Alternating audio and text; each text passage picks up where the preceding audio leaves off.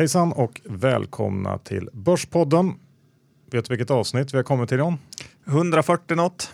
45. Inte för att det spelar någon större roll, men så är det. Och datumet är juni den första.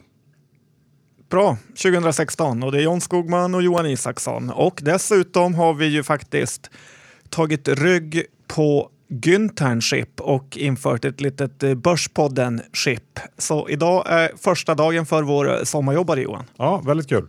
Så att eh, vi får hälsa Filip välkommen och eh, tror nog att han kommer att utföra stordåd för eh, framförallt Börsjobbs räkning. Men det blir spännande. Ja, sen har vi en hemlig resurs som vi inte nämner namnet på för att vi inte vill bli av med honom. Nej, precis. Vi ska prata om lite allt möjligt idag. Det blir eh, bolag, det blir kanske inte så mycket rapporter för de flesta har varit och äh, men lite allt möjligt, lite betraktelser. Ja, det blir det och eh, jag hoppas att ni har öppnat ett eh, konto på DeGiro. De körde en helsidesannons i det idag så att det går riktigt eh, bra för dem och eh, det är gratis courtage för depåer under en mille. Så se till att ni går in på diro.se och öppnar ett konto. Ja, och om ni inte gillar börsen, ja, då kan ni faktiskt vända er till Lendify. Ja, det kan man göra. Peer-to-peer lending. De bjöd sina långivare på en after work här i veckan så att eh, det är rätt kul att vara medlem eller långivare där. 7% på rullande 12 månader har man fått i avkastning och eh, som sagt ingen insättningsavgift fram till midsommar. Så gå in på lendify.se se om det här kan vara något för dig. Yes, nu kör vi igång.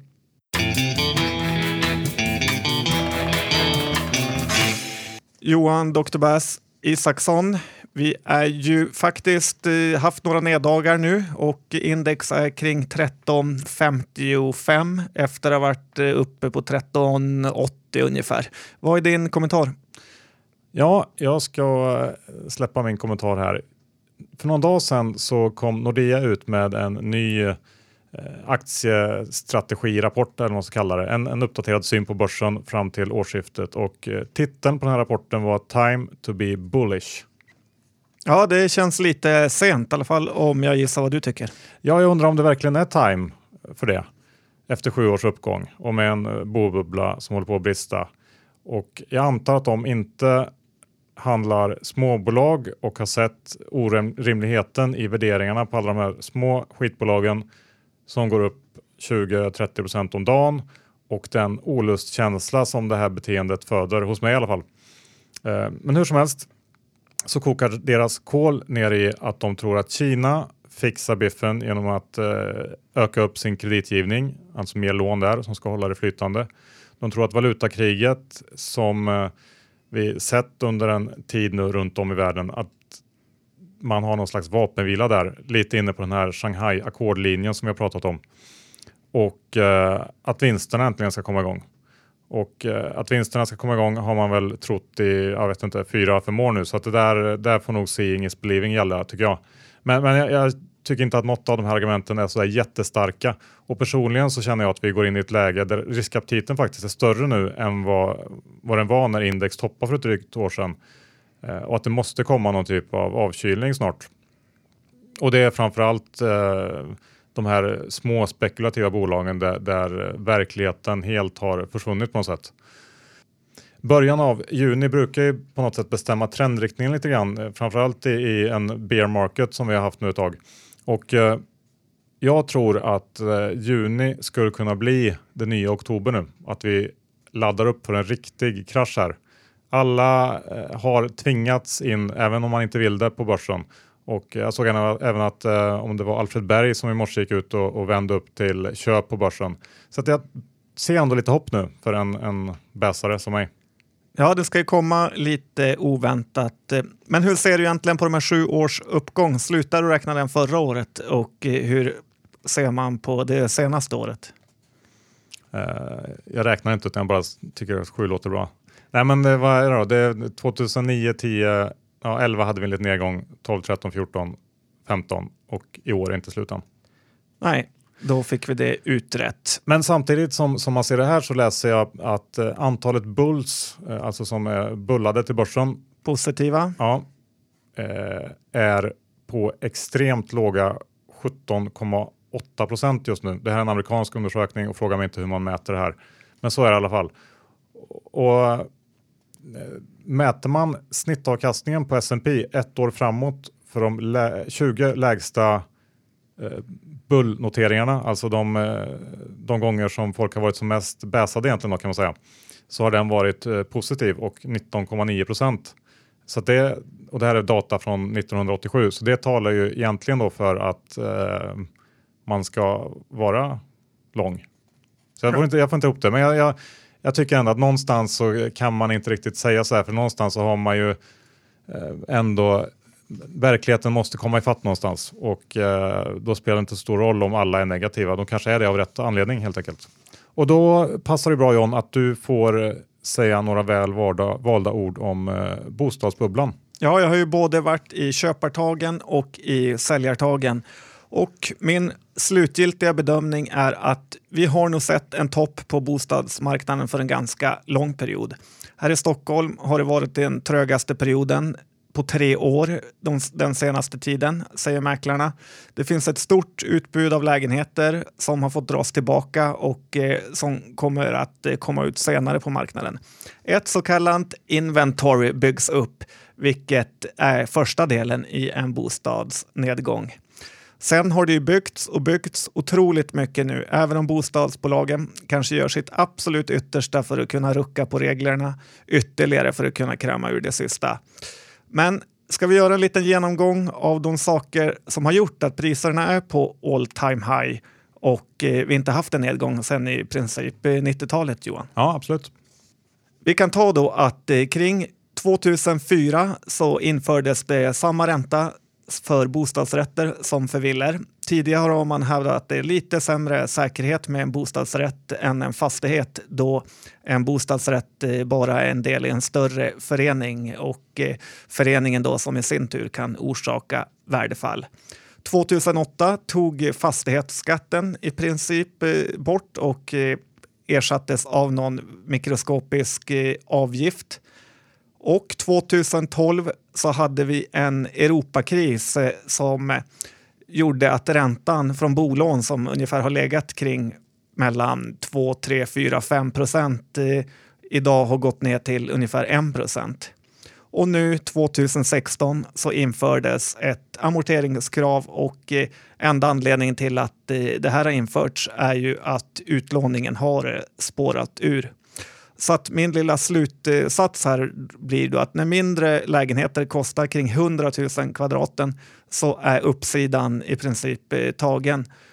För med de här nya kraven så kommer det finnas väldigt få förstagångsköpare som kommer kunna fortsätta elda på den här marknaden.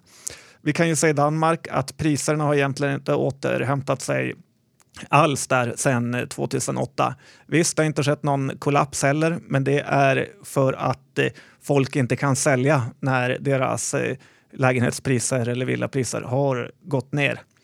Så slutligen Johan, så egentligen allt bra som har kunnat hända har hänt på bostadsmarknaden och eh, in, inget av det här kan hända igen. Bättre bolån kommer man inte kunna få.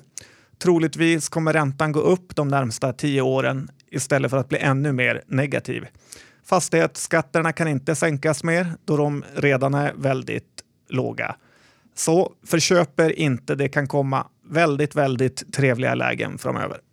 Ja, det enda skulle kunna vara om man helt plötsligt får låna 150 procent för att köpa en lägenhet.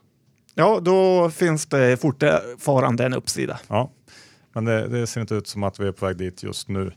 Eh, och man kan ju tillägga också att en bostadskrasch är ju kanske det värsta som kan hända en ekonomi. Det är ju fruktansvärt jobbigt att eh, ta sig ur. Och eh, ja, vi får väl se hur det går. Det är ju, det är ju lite blandade känslor där. Men ehm, ja, vi följer det här med spänning. Nu över till något helt annat John.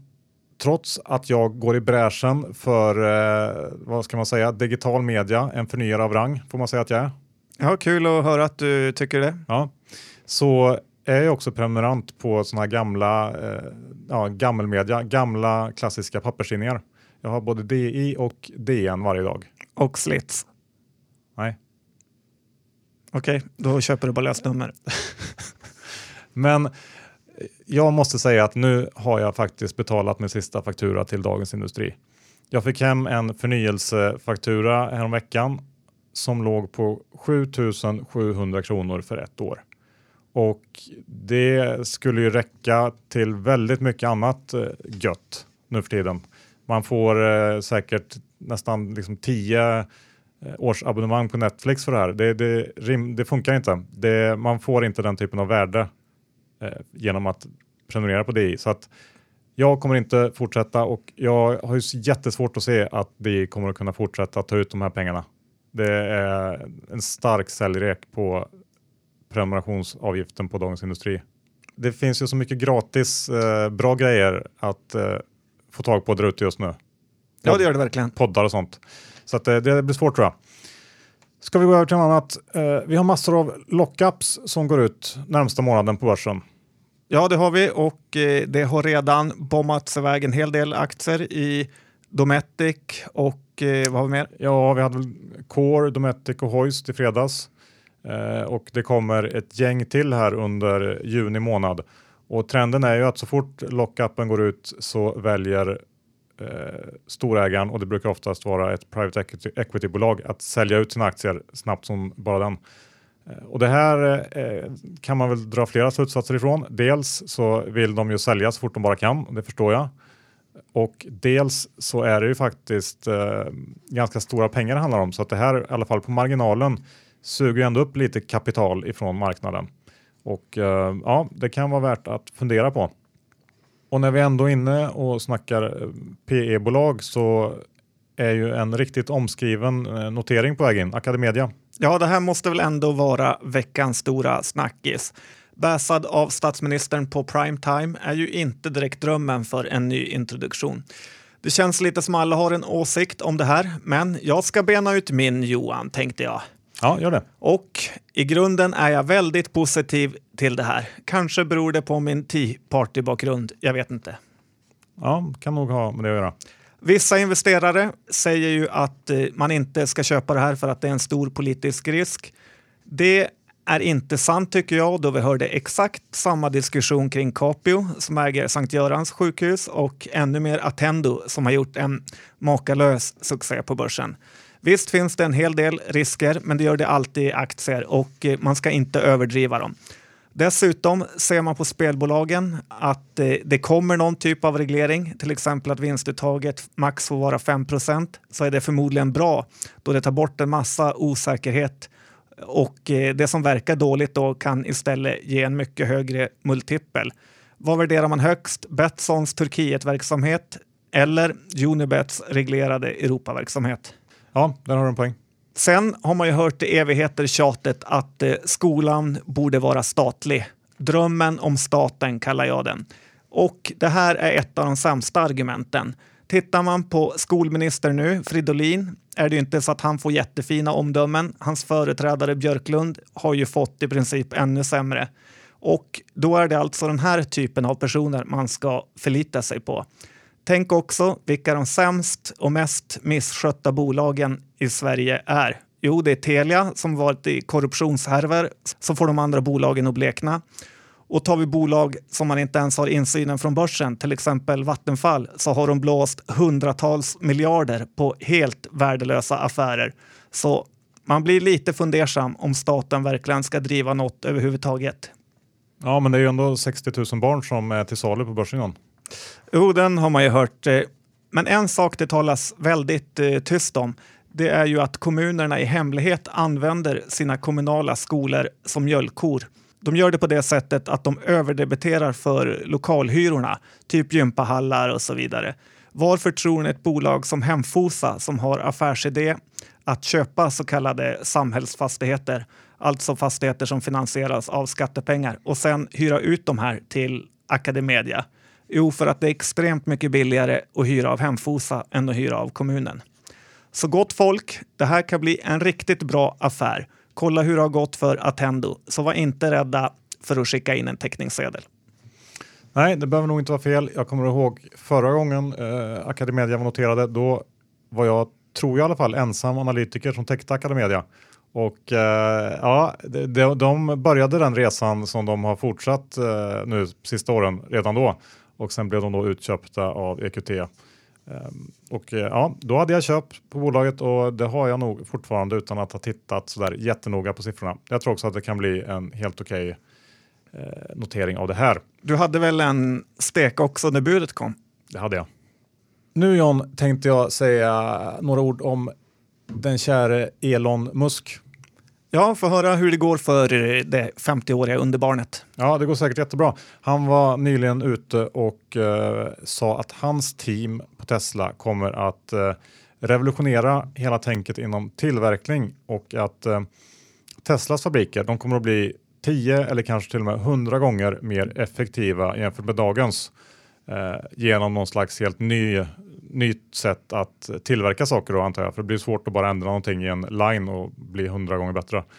Men det här måste ju göra västkusttradern väldigt stolt. Hans bolag Flexcube är ju nämligen underleverantör till Teslas fabriker och det måste ju vara ett fantastiskt gott betyg om eh, han är delaktig i den här fantastiska rörelsen som ska göra fabriker hundra gånger mer effektiva. Det här skulle ju flyga på börsen, eller hur John? Ja, verkligen.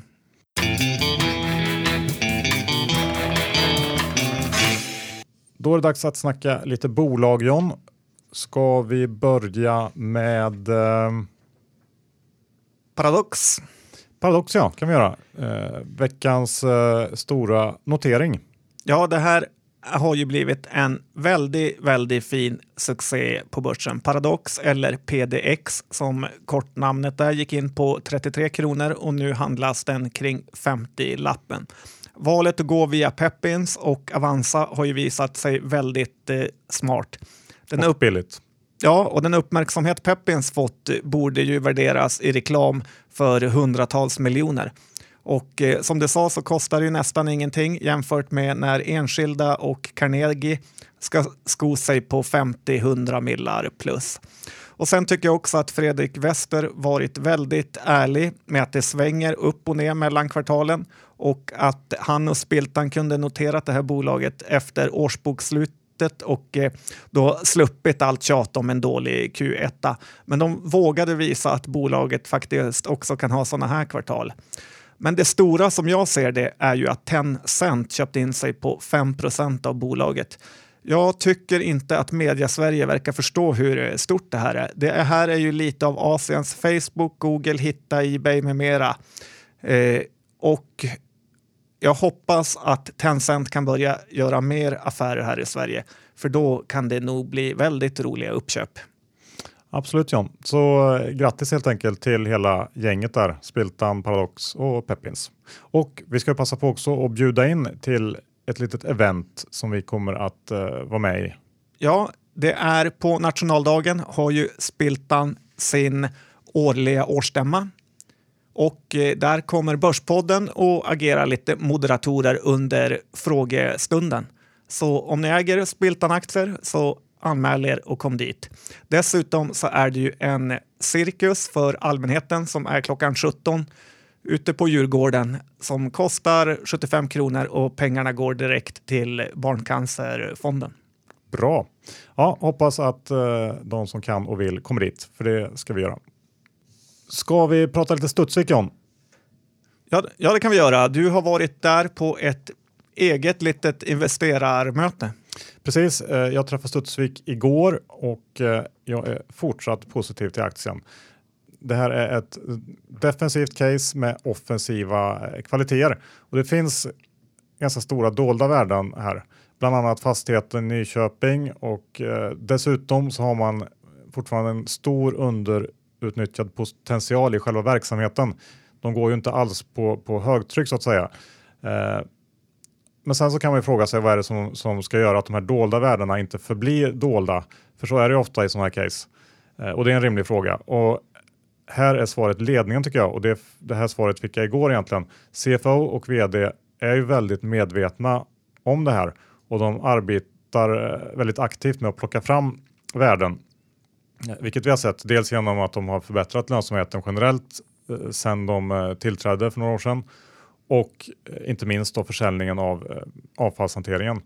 Och de har ju lagt väldigt mycket tid på det här problemområdet, eh, avfallshanteringen. Men nu kan de fokusera på konsultdelen och eh, bränsle och eh, materialtekniken. Så jag tycker att det här känns fortfarande väldigt, väldigt intressant. Men man ska vara medveten om att det är inget som kommer att gå över en natt. Och jag tror alla vet att kärnkraftsindustrin, den går ju fortfarande på tomgång.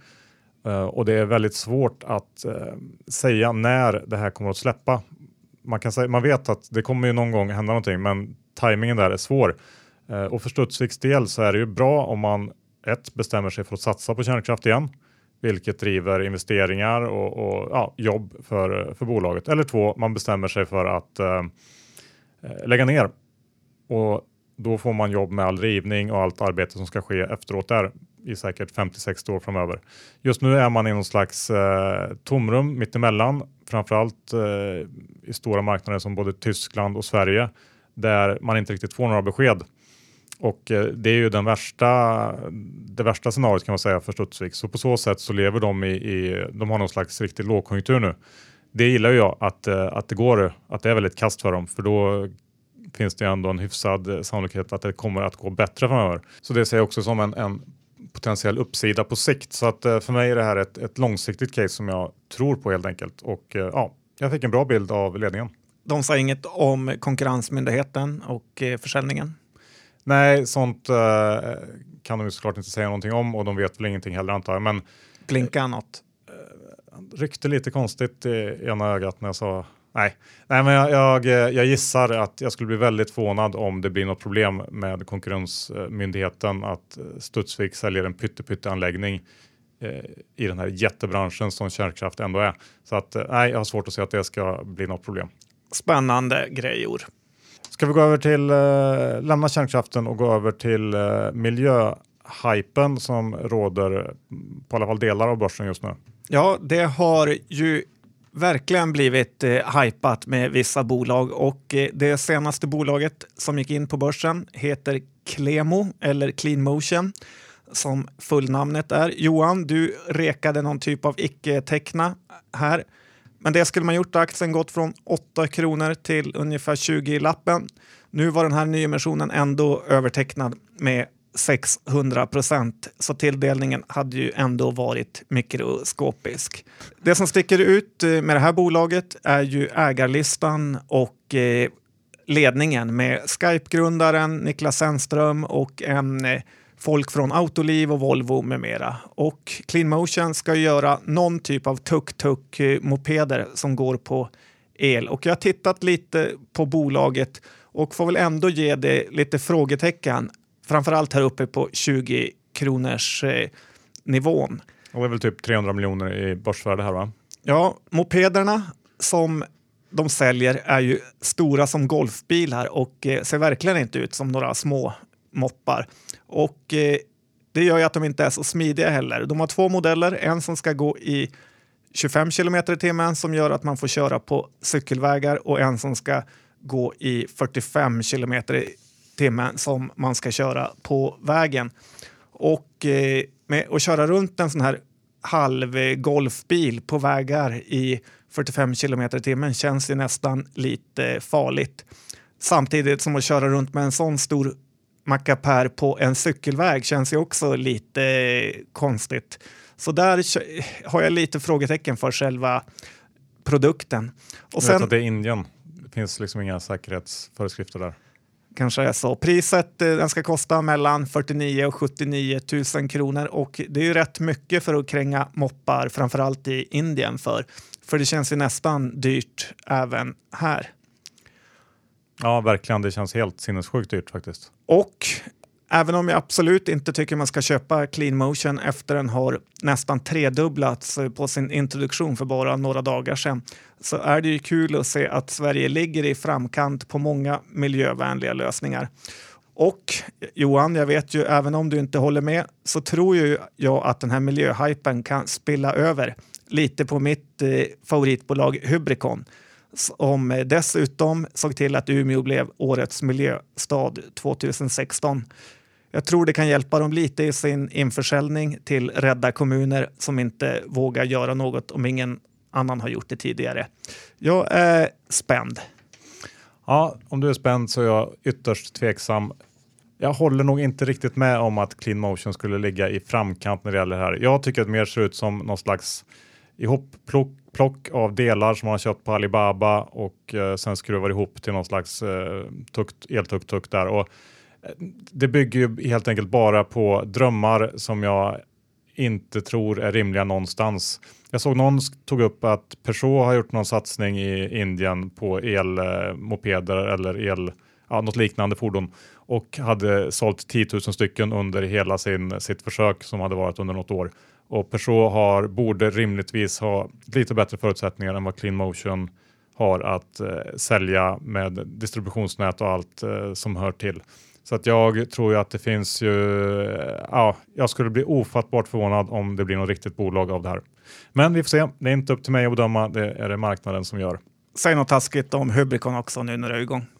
Ja, det är samma typ av bolag. Tack. Eh, när vi ändå är inne på eh, drömmar så kan vi prata om Easyfill. Vi fick ju en lyssnarfråga för några dagar sedan. Eh, tydligen hade vi sagt någonting om Easyfill i vårt tredje avsnitt. Det är, det är lite häftigt att uh, ha en podd som hållit på ganska länge för att uh, allt man har sagt finns ju kvar där uppe. Det är bara att leta upp.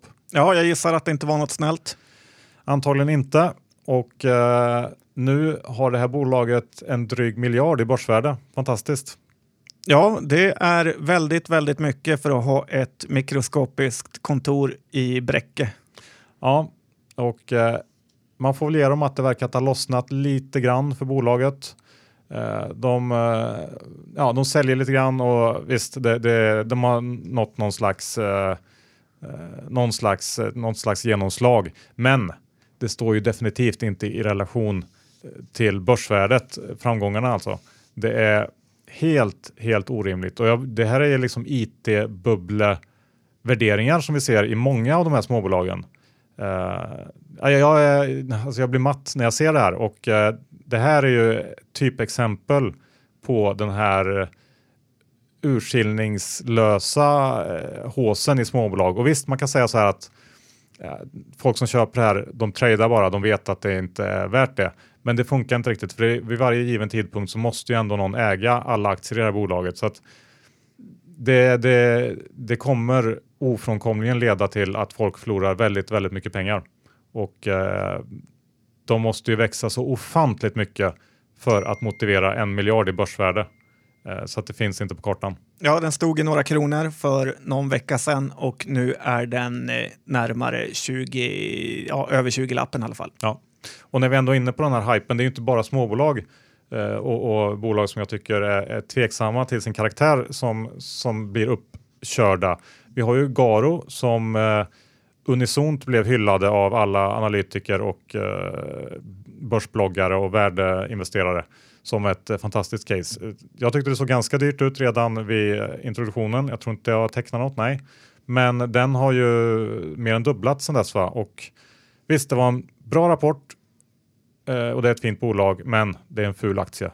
Ja, och likviditeten är kass. Det är liksom P25 för innevarande år på något slags elbolag och ja, de, är duktiga, men, men någonstans får man sätta gränsen även här. Jag känner att Dr. Bass är i absolut eh, toppform idag. Ja, jag är lite upprörd. Jag vet inte om det är, jag vet inte vad det är. Kanske är någon, någon att Tokyo börjar komma ikapp att jag börjar få in den riktiga, rätta Bass-känslan. Eller den perioden i månaden. Ja, kanske.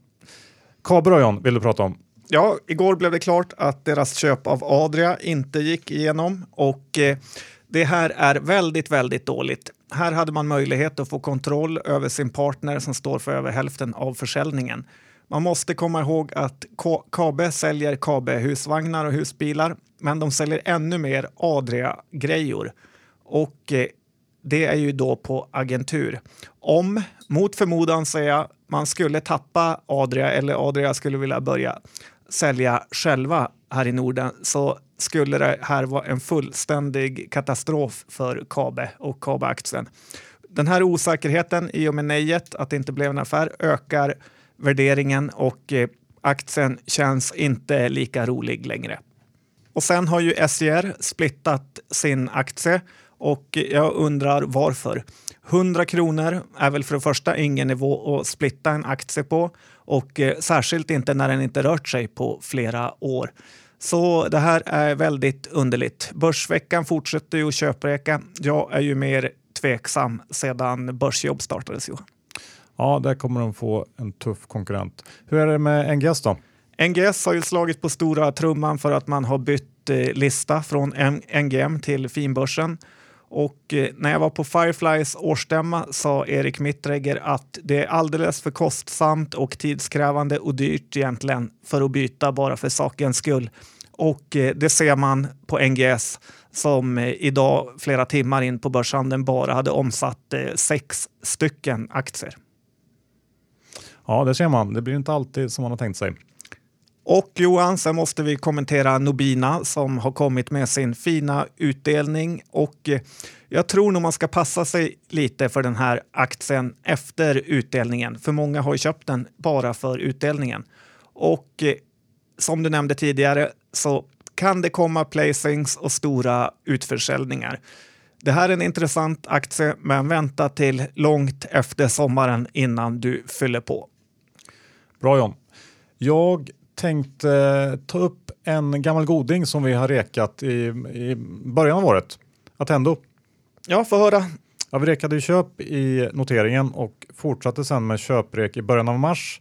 Då stod den i 68 kronor och vi sa 80 kronor som riktkurs närmsta året. Nu står den i 82,50. Den var uppe i 85 tror jag för någon dag sedan och eh, den har rullat på eh, ja, riktigt bra.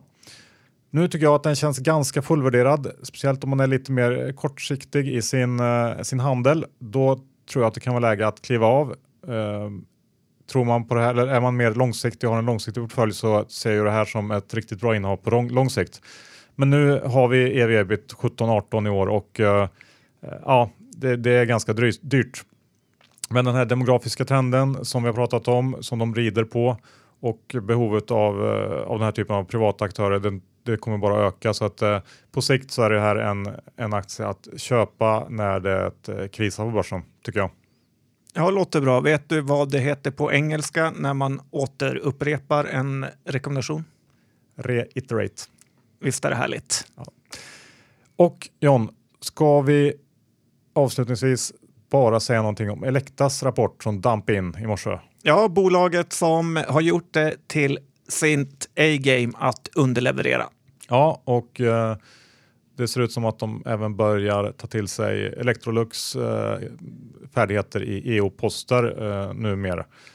Men eh, omsättningen 5 svagare än väntat och eh, ja, det enda vinsten också kass och det enda egentligen som, eh, som överraskar på uppsidan var väl eh, orderingång. Och ehm, um, EU-posterna som jag nämnde, de var mycket större än väntat. Och där har man bland annat rätt stora kundförluster, vilket jag tycker är lite konstigt om man bara ser till vilka är kunderna. Det är ju sjukhus och, och ja, kunder som rimligtvis inte bara lägger ner och försvinner. Det är ju inte, det är inte verkstaden runt hörnet som, som köper en strålkniv av Elekta. Och det talar väl för att den här, det här redovisningstjafset som Elekta eh, hade över sig för något år sedan stämde ganska bra och nu pyser man ut hela den här eh, problematiken genom att sakta men säkert skriva av, ta större EU-kostnader och kundförluster. Och eh, det gör också, tycker jag, att eh, jag såg att en del hävdade att man skulle ta, ta fasta på den fina orderingången. Men jag tycker faktiskt att Elekta har inte förtjänat eh, det. Man, man får helt enkelt bevisa sig först. Seeing is believing gäller även här och uh, jag tycker det är rätt att man säljer ner aktien idag. Ja, verkligen som du säger, det, man är ju inte Nordax, Nordet eller Hoist för hur man kan ha kundförluster på tiotals, femtiotals miljoner är väldigt, väldigt konstigt.